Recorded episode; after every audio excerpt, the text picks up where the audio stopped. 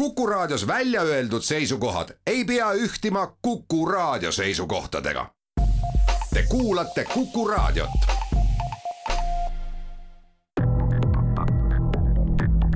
krimiraadio, Krimiraadio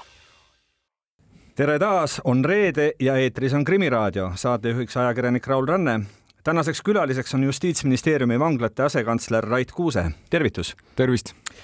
Nagu külalise ametinimetus ütleb, räägime täna vanglatest, räägime elust kinnipidamisasutustest ja elust sealt lahkumise järel. Rait Kuuse, panin just tähele töökuulutust, milles otsite sobivat inimest Viru vangla direktori kohale kas konkurss sellel kohal on tihe, soovijaid palju? kas äh, vangla direktori töö on tänapäeval Eestis prestiižne? Ma arvan, et ta on prestiižne kindlasti nende inimeste jaoks, kes äh, seda tööd on teinud ja pidanud, mina kaasa arvatud, äh, minevikus olen seda tööd teinud ja, ja tegelikult nagu juhina on see väga väljakutsuv. nüüd meil on direktori konkursi põhjus on muidugi see, et meil on direktoritel nagu riigis tippjuhtidel ikka kombeks viieaastased ametiajad ja üks viieaastane ametiaeg hakkab lihtsalt läbi saama ja nüüd on siis noh, võimalus kandideerida inimestel sellele ametikohale ähm, ma ei saa öelda palju..., ma ei saa öelda, et tungi nagu selles mõttes äh, noh, nii-öelda nagu tohutu palju nagu oleks äh, nendele ametikohtadele, küll aga me saame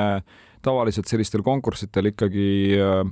noh, piisava arvu kandidaate, kelle vahel nagu valida, aga meil on omajagu nõudmisi ka ja noh, ütleme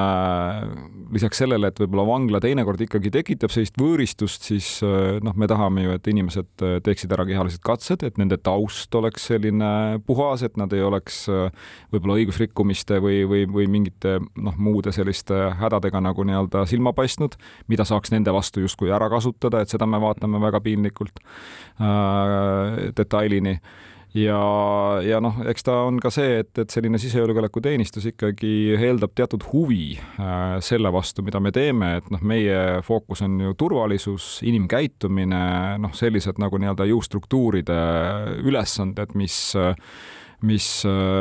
mis tegelikult noh, võib-olla kõiki ka kandideerima ei, ei too, et ta ei ole niisugune nagu ütleme, klassikaline tippjuht, et, et kus organisatsioon on võib-olla selline väga avatud ja väga noh, võimalusterohke, et sul on siiski väga selge tööfookus ja see on see, et, et kuidas siis need karistust kandvad inimesed noh, aidata siis nii-öelda oma mõtlemises ja käitumises vähe talutavamaks peale meie juurest lahkumist. Meil, kes me vanglasüsteemiga ju kokku ei puutu, on tõenäoliselt paljudel kõikvõimalikke stereotüüpseid mõtteid seoses vangla tööga ja ma pean ikkagi küsima, et äh, kas töö vanglas, ma pean nüüd silmas üldisemalt, mitte ainult direktori tööd, et on ohtlik tänapäeval? ei ole. ei ole, selles mõttes. ka mitte valvuritel, ka ne mitte nendel, kes noh, ütleme igapäevaselt ka kinnipeetavatega kokku puutuvad ja ütleme, näod jäävad meelde. ei ole, täna ma käisin näiteks äh, Tallinna vanglas, mis on meie uuem ja kõige moodsam äh, vangla, et et seal ka just äh, ootasime just äh, pääslasse oma järjekorda, et äh, läbi pääseda nii-öelda kinnisele alale. Ja siis ühe valvuriga rääkisime seal, tal oli hästi palju erinevaid erivahendeid, noh, meil kõigil on ju treenitus olemas, et kasutada seal teleskoopnui ja gaasi, käeraudu, noh, isegi taser oli tal olemas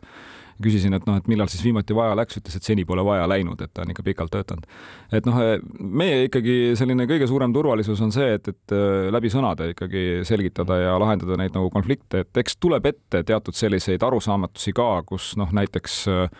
ikka aeg-ajalt äh, valvurit visatakse seal võib-olla veega, kui keegi nagu protestib millegi vastu või on ka, on ka olnud sellist kinnipeetavate enda vahelisi selliseid tülisid, kuhu tuleb sekkuda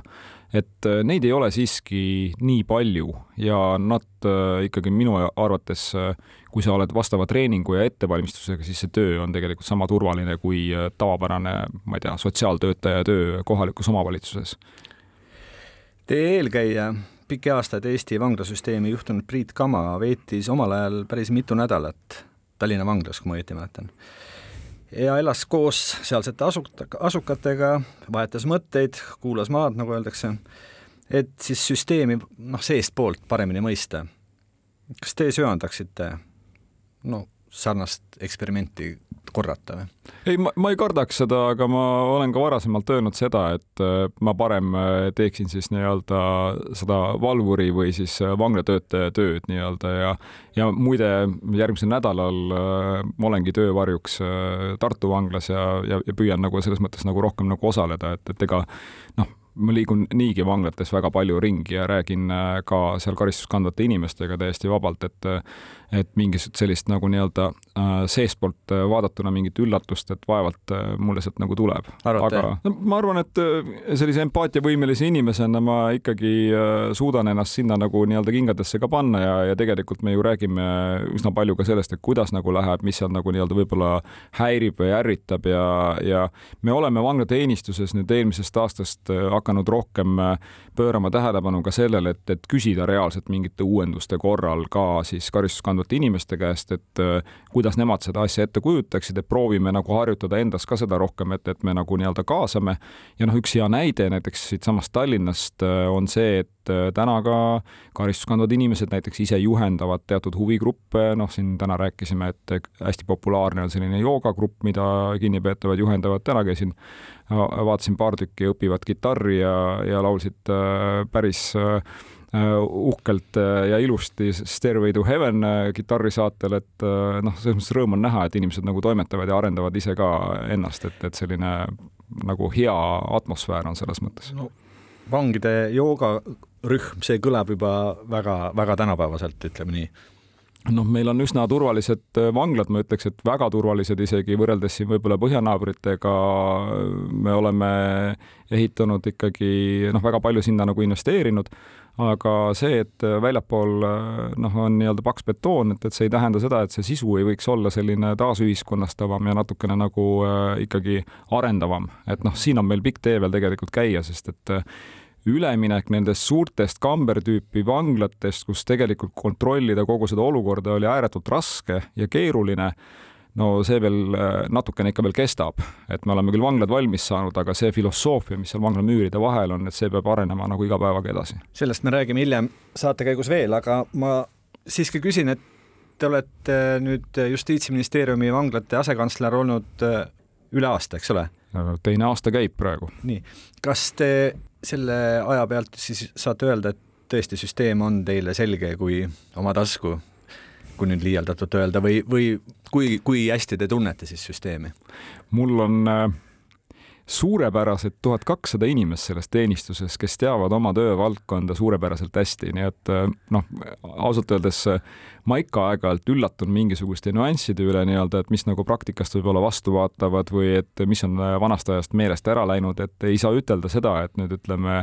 mina nagu tean absoluutselt kõike, mida tuhat kakssada inimest igapäevaselt nagu teevad ja, ja hästi teevad. et selles mõttes ikka tuleb, et äh, selline õppimise kohti on mul nagu küll ja veel, et äh, no veel tänagi kuulsin ma mingeid äh, tehnilisi detaile näiteks selle kohta, et kuidas vangla ja miks on nagu disainitud, nii et siin on noh, ta on selline meeskonnatöö ikkagi, mitte sellise ühe inimese nagu nii-öelda teadmine, nii et mul õpikohti on küll. nagu te ütlesite, et et üllatate, üllatute ikka veel, mille üle viimati? no päris tõsiselt siis. millega vanglasüsteem teid üllatas? Ähm, mina olen võib-olla selles mõttes äh, meeldivalt üllatunud olen selle üle, et äh,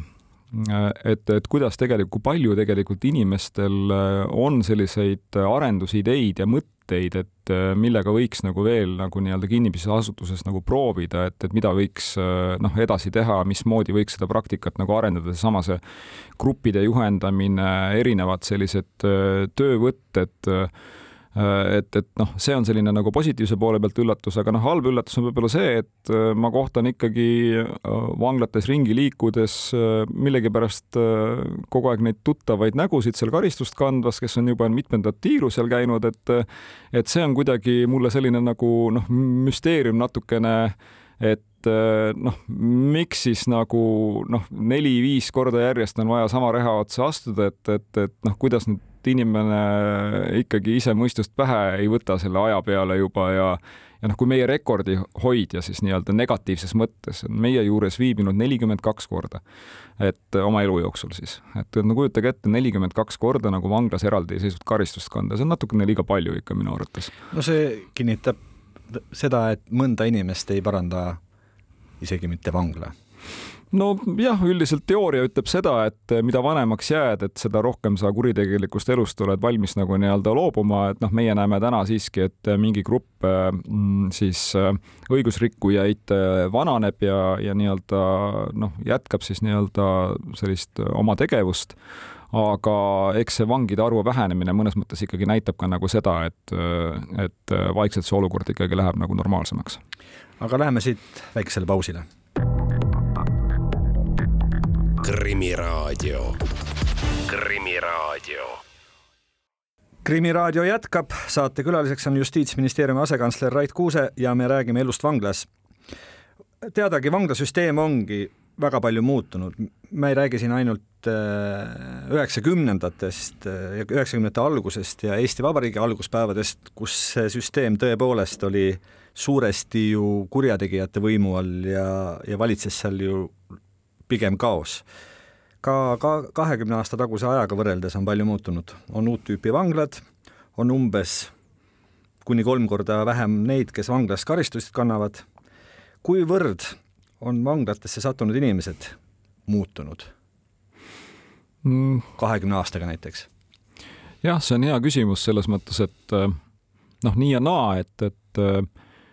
kui võtta nüüd nii-öelda sellist keskmist äh, oma karistust kandva inimese profiili, siis äh, palju vanemaks on jäänud äh, inimesed vanglas. kakskümmend aastat tagasi keskmine selline kinnipeetava vanus oli kakskümmend üheksa pool aastat. täna on ta nelikümmend pool aastat. nii et selles mõttes võib ütelda seda, et see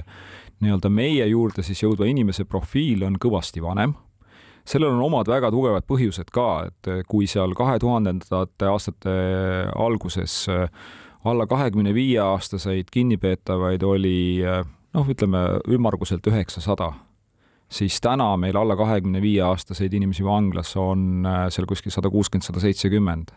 ja alaealisi on ainult üks, see on seletatav sellega, et äh, esiteks meil on selle aja jooksul väga palju nagu keskendutud sellele, et hoida noori vanglast eemal. erinevad alternatiivkaristused on tulnud, et kaks tuhat Äh, kaks äh, uus karistusseadustik üldkasuliku töö, siis äh, vahepeal tuli elektrooniline järelevalve võrudega, et, et, et muudetud ennetähtaegse vabastamise süsteem, kriminaalhooldus on saanud tugevamaks, et kasutatakse erinevaid selliseid sotsiaalteenuseid, näiteks kinnise lasteasutuse teenus, äh, mis siis on noh, nii-öelda hoiab ka ära tegelikult selliseid äh, noh, käitumise noh, tagajärgi, mis, mis viiksid nagu vangistusse. ja noh, eks ta saladus ju ei ole, et, et kui juba vanglasse ollakse jõudnud, jõudnud, et siis seda teed nagu nii-öelda väärata on väga raske, sest see korduvus kipub seal nagu kergesti tulema noh, vangla ei ole nagu selline probleemide tekitaja selles mõttes või leiutaja, vangla on probleemide lõppjaam ja mõnes mõttes seal neid asju, mis on siis nii-öelda ennem aastate jooksul nagu nii-öelda nagu neid, neid sõlmi nagu nii-öelda lahti arutada äh, selle võib-olla mõnede kuu või, või, või mõne aasta jooksul on tegelikult ääretult nagu keeruline ja noh, lõpuks minnakse siis samasse keskkonda tagasi, seda abi võib-olla jälle ei ole ja ja, ja, ja noh, natukene see olukord ka ise nagu nii-öelda toodab siis nagu jälle juurde seda kuritegevuse probleemi, nii et noh, ütleme väga palju selle kahekümne aasta jooksul on Eesti õigussüsteem ka arenenud, et, et keskenduda sellele, et äh, just eelkõige noori hoida vangistusest eemal. muide, mis keelne on tänapäeval äh, Eesti vanglasüsteem tervikuna? riigikeelne, eestikeelne. Äh, sest ja... ma küsin sellepärast, et no paarkümmend aastat tagasi ja veidi kauem tagasi,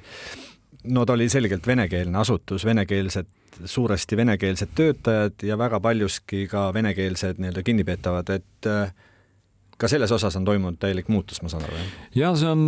see on huvitav selles mõttes, et ma just täna äh, kohtusin ühe äh, pikaaegse kolleegiga, kes tegelikult on alustanud vanglasüsteemis oma tööd üheksakümne kolmandast aastast ja küsisin ka temalt nagu paari meenutust ja ja tema ütles seda, et äh, kui ta seal kahe tuhandete alguses veel töölt tuli, et siis ta veel mõtles ka vene keeles, et ta on ise eestlane. Äh, ja, ja seal see muutus kuskil hakkas ka tulema, et, et suurenes ka nõudlikkus siis töötajatele, erinevad koolitused, keelekoolitused, me täna tegelikult üsna unikaalselt äh, võib-olla siin ka kõrvalriike vaadates pakume ju ka tasustatud eesti keele õpet kinnipeetavatele, et sisuliselt on võimalik sul teenida raha selle eest, kui sa omandad teatud tasemed nagu nii-öelda riigikeelt. Ja see on toonud äh, ikkagi kaasa selle, et äh, pluss siis nagu nõuded ka töötajatele, et äh, meil on täna väga selgelt eestikeelne riigikeelne vangla, vene keelt läheb teinekord võib-olla vaja ka, aga üldiselt ikkagi on nii, et et riigikeel on nagu see, et, et, et mis on nagu sada protsenti kasutuses. Ja noh, ma arvan, et, et see on jällegi nagu üks võti ka nagu sellesse, et, et äh, kuidas Eesti riik on ennast nendes äh, laagri tüüpi vanglates nagu tugevalt kehtestanud ja, ja tegelikult selle nii-öelda noh, riigi poliitika seal nagu ellu viinud. kui me siin juba ajaloolisi seoseid oleme tõmmanud, siis teatavasti omal ajal, siis kui veel olid meil Eestis domineerivalt laagritüüpi vanglad, oli üsna selge, et kui inimene juba vanglasse sattus, siis ta üsna kiiresti asetus mingisugusesse ähm, äh, mingisugusele astmele selles mitteametlikus hierarhias, nii-öelda vanglas sisemiselt toimivas hierarhias. ja see kehtis igas vanglas. ja ega sealt ju laias plaanis ei olnud ka pääsu. nii-öelda see, kuhu sa seal asetusid, see sõltus suuresti sellest, noh, milline oli su staatus seal kuritegelikus maailmas väljapool vanglat või mis oli siis see kuritegu, mille eest sa kinni läksid. Kas see subkultuur, vangla subkultuur ja vangla need sisemised hierarhiad, kas need tänapäeval ka kehtivad? väga nõrgalt, et ma ütleksin, et äh, eks katseid ju alati nagu on, et noh, peame arvestama ka sellega, et meil on üheksakümmend viis protsenti ikkagi meessoost kinnipeetavad, kellel niisugune noh, kuidas see testosteroon nagu aeg-ajalt seal nagu möllab, et üritatakse seal ennast ühe või teise suhtes nagu nii-öelda nagu kehtestada, aga üldiselt äh, noh, Kamber tüüpi vanglas on ju, kus tegelikult ikkagi ka paigutusotsused ja kõik muud on tehtud äh, vangla poolt ja olukord on kontrolli all, et, äh, et äh, noh, on väga keeruline sellist mingit sellist oma nagu nii-öelda korda seal nagu evida, et selles mõttes meil on väga hästi see olukord. me kontrollime vangla nagu nii-öelda keskkonda väga hästi. teine pool on nagu see, et eks me oleme väga tähelepanelikud ka, et me mäletame väga hästi, et milline see subkultuuri nagu probleemid olid üks selline noh, võimalik siis äh, nii-öelda ennetusmeede on ka see, et, et äh, meil on ju nii, et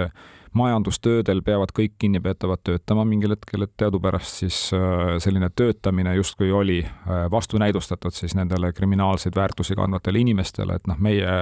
selles mõttes äh, suhtume väga järeleandmatult sellesse, et kui keegi siis seda nii-öelda koristustööd ei taha nagu teha, et, et siis me peame tegelema väga selgelt siis selliste subkultuuriliste hoiakutega. noh, näiteks ka noh, aeg-ajalt üritatakse siis rääkida, et umbes, et see kinnipeetav ei tohiks, ma ei tea, töötada kuskil köögis või toitu jagada, sellepärast et noh, ta on kuidagi teist, teistest nagu halvem või midagi taolist, et selliseid olukordi tuleb nagu ette, aga me me tegelikult ei noh, tegeleme siis nagu nendega, kellel see probleem on, mitte, mitte, mitte nendega, kelle suunas nad näitavad. nii et aeg-ajalt midagi nagu on, aga, aga, aga mina ütleksin nagu seda, et võrreldes selle paarikümne, kolmekümne aastase taguse ajaga nagu noh, praktiliselt olematu küsimus. tõepoolest, mulle meenuvad ka nüüd mitte just päris viimasest ajast, aga siiski üsna hiljutisest ajast äh, paar uudist ja üks neist rääkiski sellest, et keegi ennast äh, võib-olla siis teistest autoriteetsemaks pidav äh, kinnipeetav ei võtnud selle ar-, harja kätte ja ei koristanud ja seetõttu noh, tuli tema suhtes siis rakendada mingeid erilisi meetmeid ja, ja teine uudis rääkiski sellest, et päris paljud kinnipeetavad loobusid toidust, sest seda jagas keegi, kes ei oleks pidanud toht-, ei oleks pidanud seda tegema või no. ei oleks nende arusaamist pidanud. ja no aeg-ajalt, aeg-ajalt tõesti tuleb selliseid asju nagu ette, aga noh, see loobumine toidust on ka natukene selline noh, silmapete, et et, et, et kui ka loobutakse toidust, siis äh, tegelikult poest saab ikka äh, oma toidu kätte, et noh, kõigil on siis nii-öelda oma toit nii-öelda piltlikult öeldes on ju, et keegi ju näljas ei ole ja nii edasi, et seda nagu jälgitakse ka, see on kindel reeglistik. Äh, kui keegi siis nii-öelda peaks nagu loobuma toidust, et kuidas teda siis nagu ka kontrollida, et, et ega ta elu selle tõttu ohus ei ole aga noh, aeg-ajalt tuleb jah, selliseid nagu katseid, aga noh, tegelikult kui noh, vaadata, et ega see noh, ei saa ju öelda, et see subkultuur nagu teab mis tugev siin Eestis oleks äh, olnud, et, et sellega päris, mis kuskil äh, seal Nõukogude laagrites nagu nii-öelda toimus, et äh, ju ka täielikult kaasa ei mindud ja, ja noh, teine pool on nagu see, et, et meil on olnud väga-väga selge nagu nii-öelda eesmärk, et sellisest nii-öelda katsetest siis mingisugust alternatiivset korda või, või, või, või elukorraldust nagu nii-öelda vanglas luua, et, et, et siin me sekkume väga jõuliselt ka, kui vaja on. sedasorti liidreid, autoriteetseid va liidreid vanglasüsteemis, kes seal ikkagi kipuvad kohut mõistma või mingisugust äh, oma kanaleid pidi vangla siseelu mõjutama ja juhtima, on Eestis tänapäeval ma ei ütleks, et kellelgi seda võimalust väga seal oleks, et, äh, et eks äh, keegi ikka kujutab ette nagu, et, et ta võib-olla on nagu tähtsam kuidagi ja nii edasi, et aga kuna meil on väga individuaalne lähenemine, siis äh, meil on ju pilt ees kõigist nendest kahe tuhandest inimesest, kes seal on nii-öelda. Ja noh, ma arvan, et täna on ikkagi olukord nagu selline, et kaotada on rohkem kui võita ja noh, muidugi kui keegi on vanglas selle tõttu, et ta kuulub näiteks, on, on süüdi mõistetud seal kuritegelikus ühenduses tegutsemise tõttu, et noh, siis on meil ka erimeetmed, et piirata siis seda tegutsemist, et noh, vangistuse üks eesmärke on ju ka see, et ka vangistuse ajal sa ei tohiks nagu nii-öelda jätkata seda tegevust nii-öelda, mis sul vabaduses võib-olla äh, kombeks oli nii et noh, me peame ka nagu piirama mõnes mõttes seda ja siis lähtuvalt sellest, et äh, kui äh, noh, koostööaltid äh, oma karistust kandvad inimesed on, lähtuvalt sellest saadakse ka siis neid nii-öelda võimalusi ja privileege nii-öelda vanglas nagu juurde, mitte lähtuvalt sellest, keda sa kujutad ette ennast olevat. nii et noh, kui siis keegi selles mõttes arvab, et tema on siis nii-öelda selline äh, noh, kuritegelikku karjääri võiks ka nagu vanglas teha, noh siis ta tõenäoliselt on nagu üsna üksi seal vanglas ja, ja, ja üsna nagu limiteeritud võimalustega, mida täna seadusandlus meile ka pakub. teatud liiki kuritegevused ja, ja katsed kuritegevust siis vanglamüüride vahel ka korraldada ju ikkagi on, on jutuks olnud, et ikka ja jälle püütakse mingisuguseid narkootilisi aineid sisse vedada ja kui neid juba sisse veetakse, siis ju keegi neid tahab seal sees müüa või jagada ja noh, küllap ka vägivallakuriteod ei ole nüüd liiga haruldased äh, vanglas. kumba rohkem on või milline kuritegevusliik on äh, võib-olla vanglas kõige rohkem peavalu tekitav? noh, eks meie ikkagi selline noh, esimene nagu nii-öelda hool on sellest ka, et, et sellised keelatud ained ja esemed ei jõuaks nagu vanglasse, et, et, et see on kindlasti üks selline väga tugev töösuund et üritatakse ikka, kas siis keegi aeg-ajalt seal kirjaga midagi saata ja noh, me peame olema lihtsalt nii nutikad, et me suudame need ära tabada ja, ja leida üles ka need, kes siis saatsid noh, mingeid selliseid äh, olme olukordades tekkinud rüselusi, selliseid asju on aeg-ajalt ikka ka, et, et, et me püüame ka neid nagu nii-öelda hästi kiiresti ennetada ja toimetada, aga noh. mingisuguseid hiljuti... vanglamüüride vahel toimuvaid kohtumõistmisi. ei, selliseid no, asju ei ole. nüüd tapmisest, aga ütleme, mingisugused kättemaksuaktsioonid seal on. see jääb kahekümne aasta tagusesse aega ikkagi pigem, et, et, et kui olid need laagritüüpi vanglad, mis olid suhteliselt raske kontrollida, et kus siis üritati selliseid asju, et et äh, noh, me hoiame silmad-kõrvad nagu lahti äh, ja me oleme treenitud selleks, et neid olukordi ennetada. Äh, noh, kindlasti on ka mingeid olukordi, mis, kus me võib-olla noh, sekkume siis, kui see olukord käes on, sest et pole varem nagu nii-öelda jõudnud sinna, aga aga meil on täielik nulltolerants jah, selliste asjade osas ja noh, jällegi öeldes siis kolm kaameratüüpi vanglat äh, väga selgelt äh, ikkagi noh, eraldatud äh, maksimaalselt kahekesi ühes kambris, et noh, tegelikult kõik võimalused täna rahulikult nagu nii-öelda oma karistus ära kanda on vanglates loodud. teeme siin taas väikese pausi. krimiraadio, Krimiraadio. Krimiraadio jätkub, Rait Kuuse, nii-öelda lihtinimese pilgu läbi on ju kõik selge, pätt peab istuma vangis aga reaalsus on see, et keskmiselt määratakse Eestis aina lühemaid karistusi, keskmiselt. ja sageli määrab kohus hoopiski alternatiivse karistuse. miks see hea on, miks, miks mitte inimesi panna kuritegude eest kohe vangi? No eks see vangla on tegelikult selline ikkagi äh, väga äärmuslik meede selles mõttes, et äh, noh, vanglasse sisenemine inimese jaoks ju lõpetab põhimõtteliselt ka need positiivsed kontaktid, mis tal võisid olla väljaspool. Noh, mitte kõik ei ole ju nii-öelda nagu töötud ja sõltlased ja, ja, ja nii edasi, et, et kellel ei ole nagu mitte mingit peret või, või mingisugust sellist nagu positiivset külge elus nii et noh, see vangla selles mõttes äh, lõikab äh, mingiks hetkeks kindlasti kõik need nagu nii-öelda sidemed ära ja tegelikult paneb ka selle perega suhtlemise hoopis teistesse raamidesse. Äh, ei ole tõenäoliselt alati nagu noh, igaühe puhul siis väga otstarbekas nii-öelda kogu siis nii-öelda ütleme seda elu nagu nii-öelda nagu läbi lõigata. et on võimalik tegeleda ka selliste kuritegeliku käitumise riskidega äh, vabaduses, äh, seades inimesele siis äh, kitsamad raamid nii-öelda, kuhu ta võib minna, millest ta peab teada andma ja millisele järelevalvele ta võiks nagu nii-öelda allutatud nagu olla. alati seda ei saa siiski ka vältida noh, siis on mõistlik äh, vangistusest või karistuse kandmine teha etapiviisiliseks, milleks on siis võimalus äh, näiteks äh, vanglas hea käitumise ja eesmärkide täitmise korral minna A-vanglasse, kust käiakse igapäevaselt tööle jällegi järelevalve all, sealt edasi kriminaalsametniku järelevalve alla, et kui me räägime ennetähtaegsest vabanemisest, siis see tegelikult tähendab kriminaalhoolduse kontrolli. nii et ta lihtsalt isikut arvestades on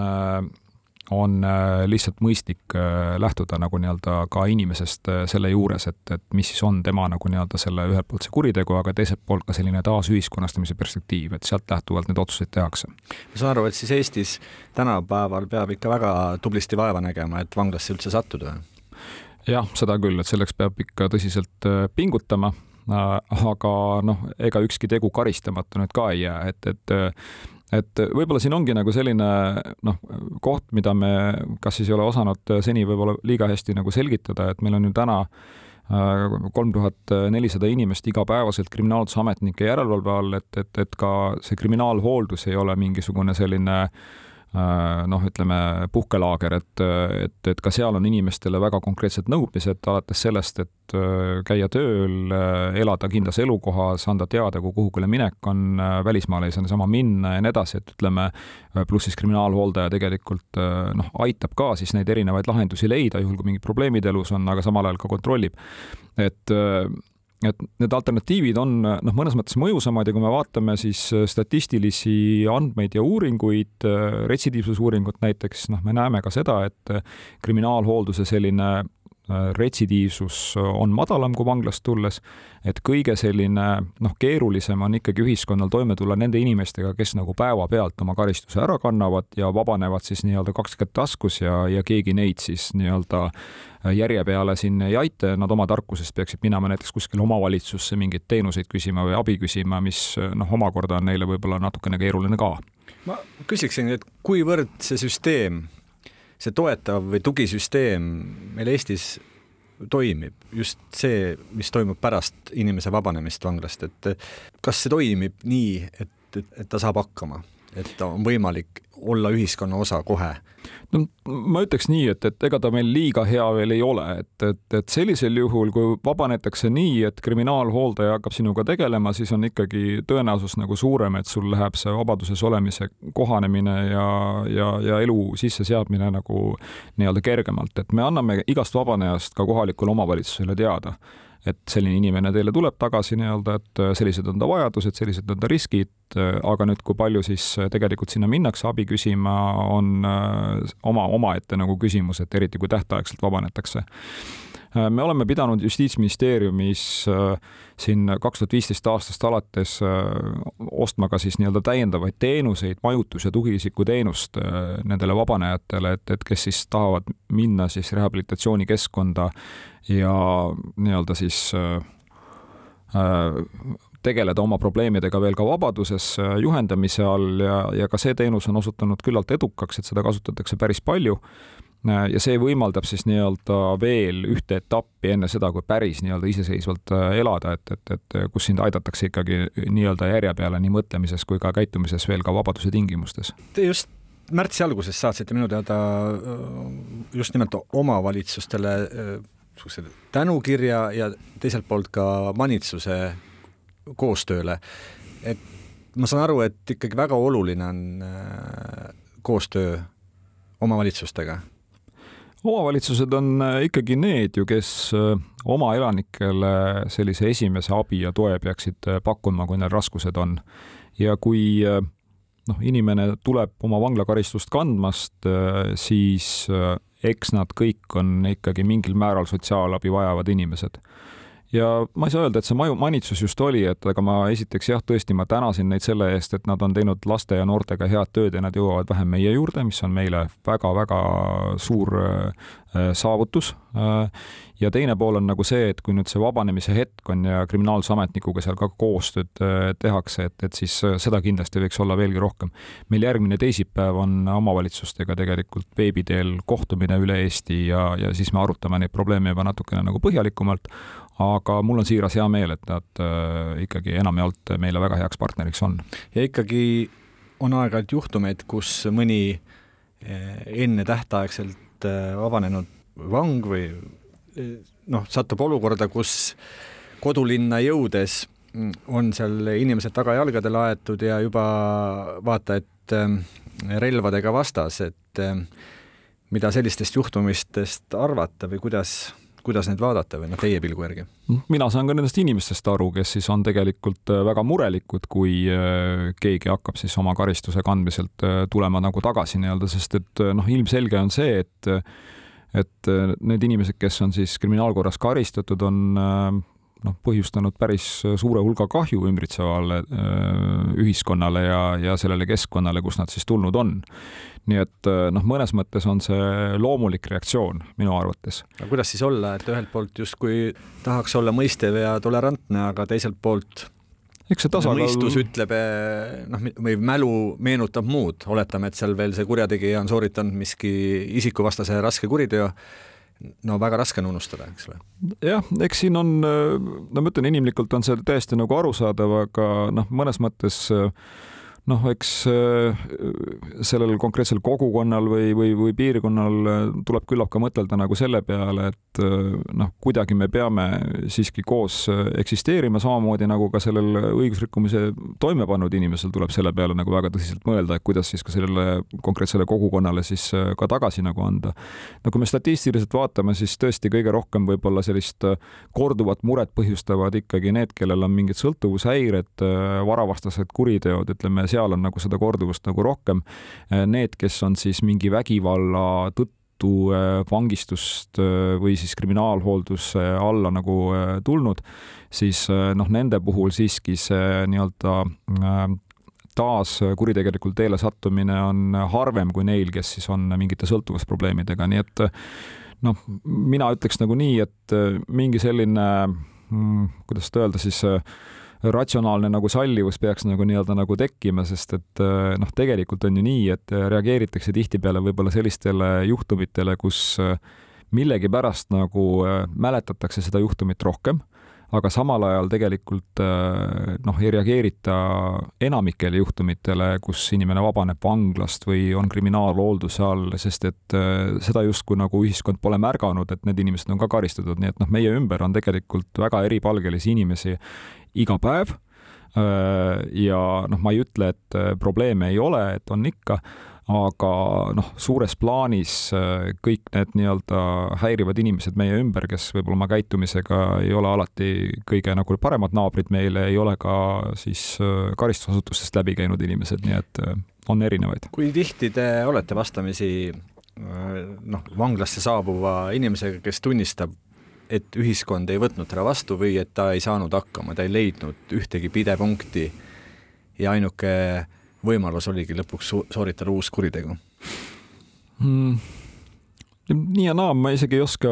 ei mõtle ma selle peale, nende vestluste peale, mida ma olen pidanud äh, oma karistust kandvate inimestega meie juures, et et et äh, noh, võib-olla natukene nagu paistab jah välja, et, et kuidagi sellist nagu nii-öelda olustikku või sellist äh, noh, kellegi vaenu enda suhtes nagu nii-öelda tuuakse natukene nagu põhjenduseks, aga samas noh, keegi ka ei ole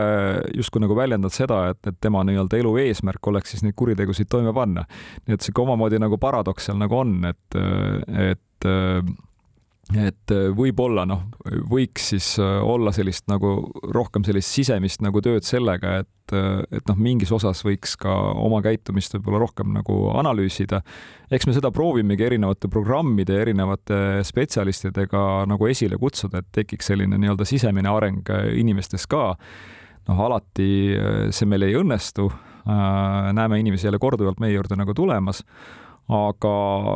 noh, teinekord jällegi ka see juba, et kui sa suudad oma asjade üle arutleda, näha nagu teiste inimeste perspektiivist, et, et siis see on juba nagu edasiminek. teeme siin taas pausi. krimiraadio, Krimiraadio ja tõesti, Krimiraadio jätkub veel kümmekond minutit. saatekülaliseks on Justiitsministeeriumi vanglate asekantsler Rait Kuuse.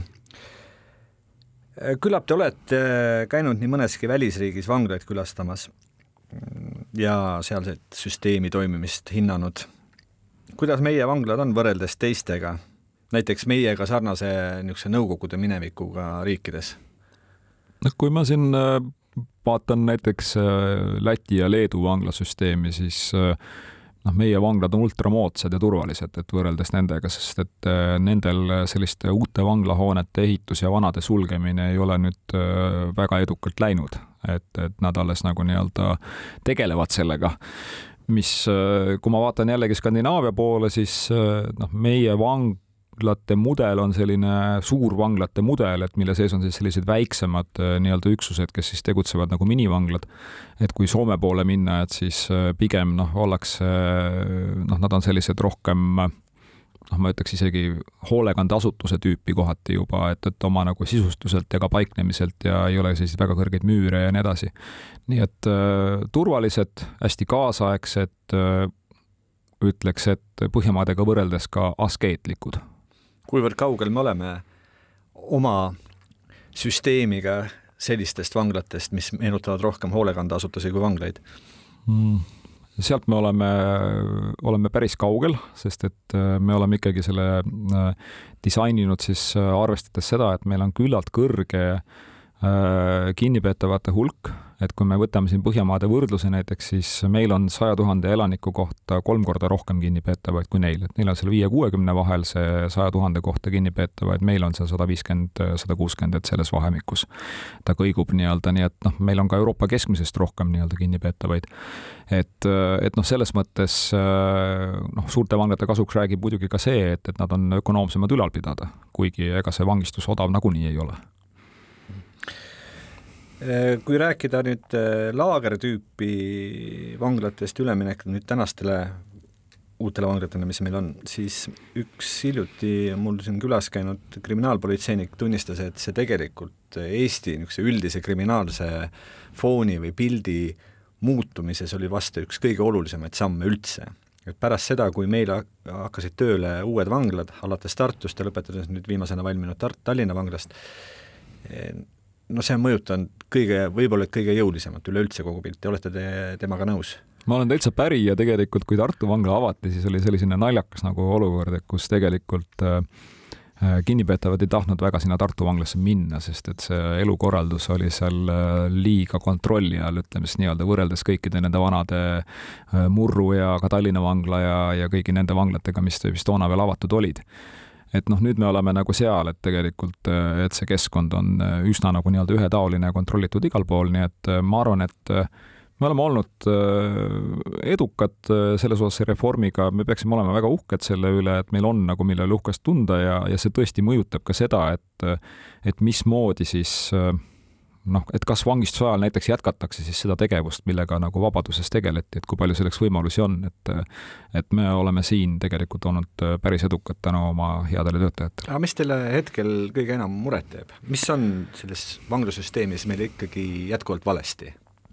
no ei saa öelda, et valesti on, et me oleme selles arengujärgus, et kus me peame mõtlema selle peale, kuidas äh, Äh, ka rohkem nende inimeste arvamust siis äh, arvesse võtta, kes oma karistust kannavad. Äh, meil, me võib-olla oleksime võinud teha teisiti seda, et me oleksime võinud need avavangla nagu ähm, avavanglaid suuremana ehitada oma vanglate juurde, et meil on täna näiteks Tallinnas avavanglasse on pikk kuudepikkune järjekord,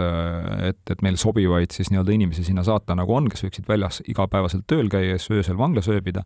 aga me oleme ehitanud selle avavangla ikkagi küllalt sellise kasina võrreldes siis suurte vanglatega ja, ja noh, loomulikult äh, eks me peame kohanema ka sellega, et äh, kogu see õigusruum muutub, et äh, noh, paljud praktikad, mis meil olid ja mis tegelikult võimaldasid hoida vanglat väga turvalisena, on täna kahtluse alla seatud, noh näiteks siis lühiajalistel kokkusaamistel vanasti kinnipeetavad oma lähedastega kohtusid ainult läbi klaasi, täna on väga selgelt ka kohus öelnud meile seda, et ainult läbi klaasi ei tohi, et me peame seal kaaluma ka neid võimalusi, kuidas vahetult kohtuda, täiesti inimlikult mõistetav. Turvalisuse seisukohalt, jälle meil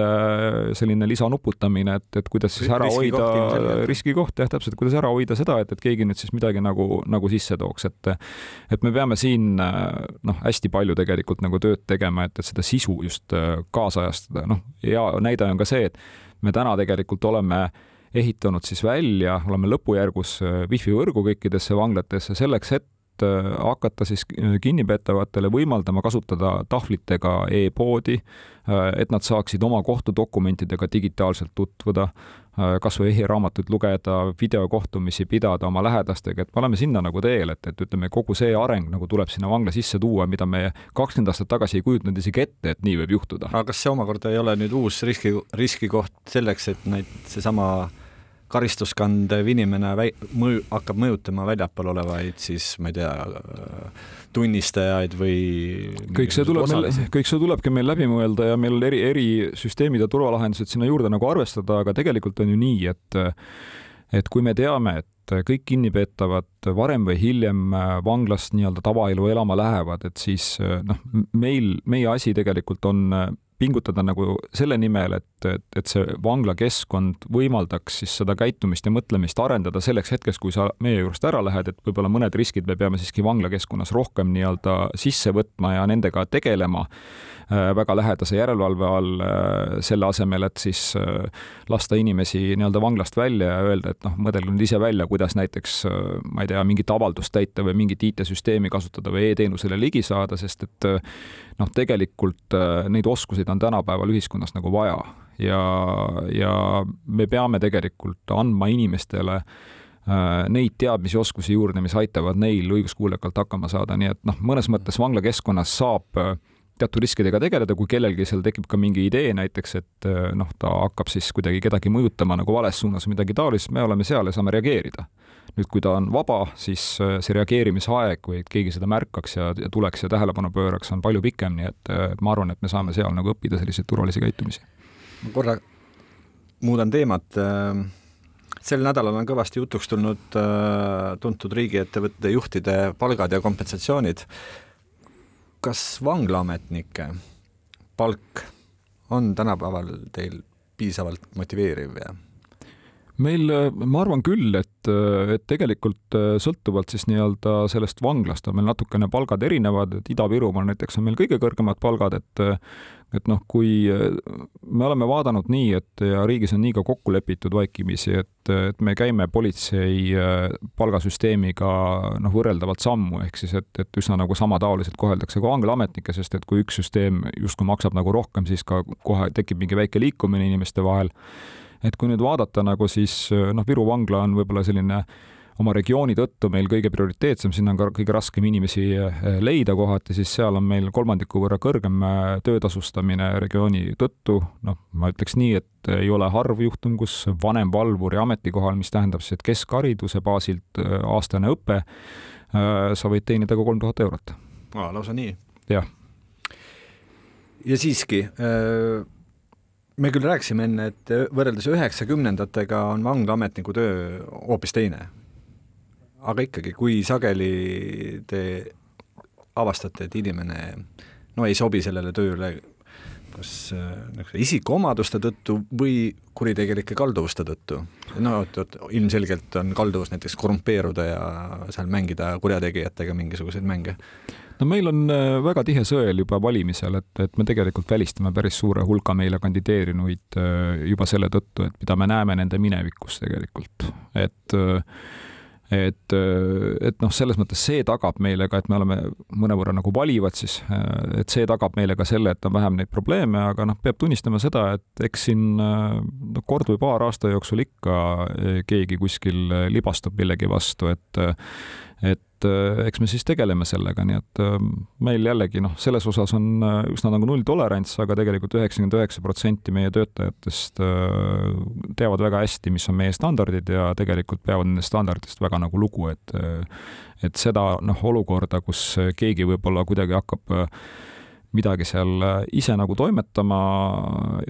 noh, ta paneb tegelikult ohtu kõik ülejäänud meeskonna ja seda tegelikult ei tolereerita vanglateenistuses täna üldse. Kas vanglasüsteemis äh, töötamine üldiselt rikub inimest, rikub tervist? me räägime pikalt töötamisest?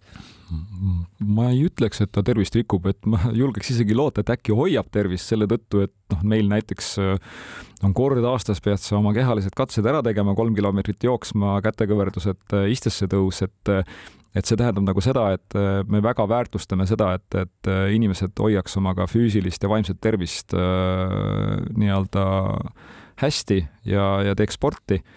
et noh, ma loodan, et pigem ikkagi on väga sellised tervist hoidvad ja tervislike eluviisidega inimesed meie teenistuses, et noh, kindlasti sellist nagu nii-öelda liikumist ja seda nagu on meil, meil üksjagu ja koormust ka füüsiliselt, et,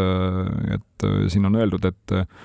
et kui meil noh, aeg-ajalt on ka sellist olukorda, kus äh, võib-olla ei ole nii palju valvureid tööl, kui meil parasjagu vaja on, et siis teised peavad tegema lisatunde, et siin võib ka vahetuse jooksul valvur kõndida siin kakskümmend, kolmkümmend tuhat sammu näiteks on ju, et noh, päris iga vahetus seda ei jõua nagu teha, et me peame siis vaatama, kuidas me nutikamalt nagu töötame. me tahaksime ju seda, et äh, valvur pigem räägiks kakskümmend, kolmkümmend tuhat sõna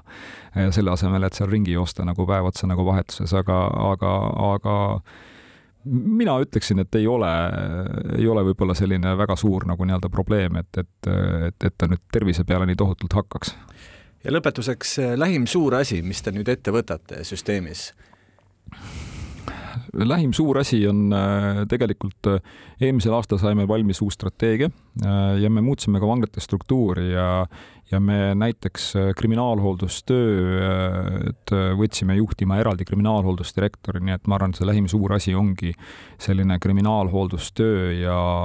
vangistuse alternatiivide ülevaatamine, nende praktika ühtlustamine ja ka avalikkuse võib-olla usalduse tõstmine selles suhtes, et me suudame tegeleda ka nende inimestega, kes siis on kriminaalhooldusametniku järelevalve all vabaduses oma karistust kandmas. paraku sellega on me tänane Krimmi raadio läbi. justiitsministeeriumi asekantsler Rait Kuuse, ma tänan teid saatesse tulemast. aitäh! tänan ka kuulajaid, järgmine Krimmi raadio on eetris kahe nädala pärast. kõike head! Krimiraadio. krimiraadio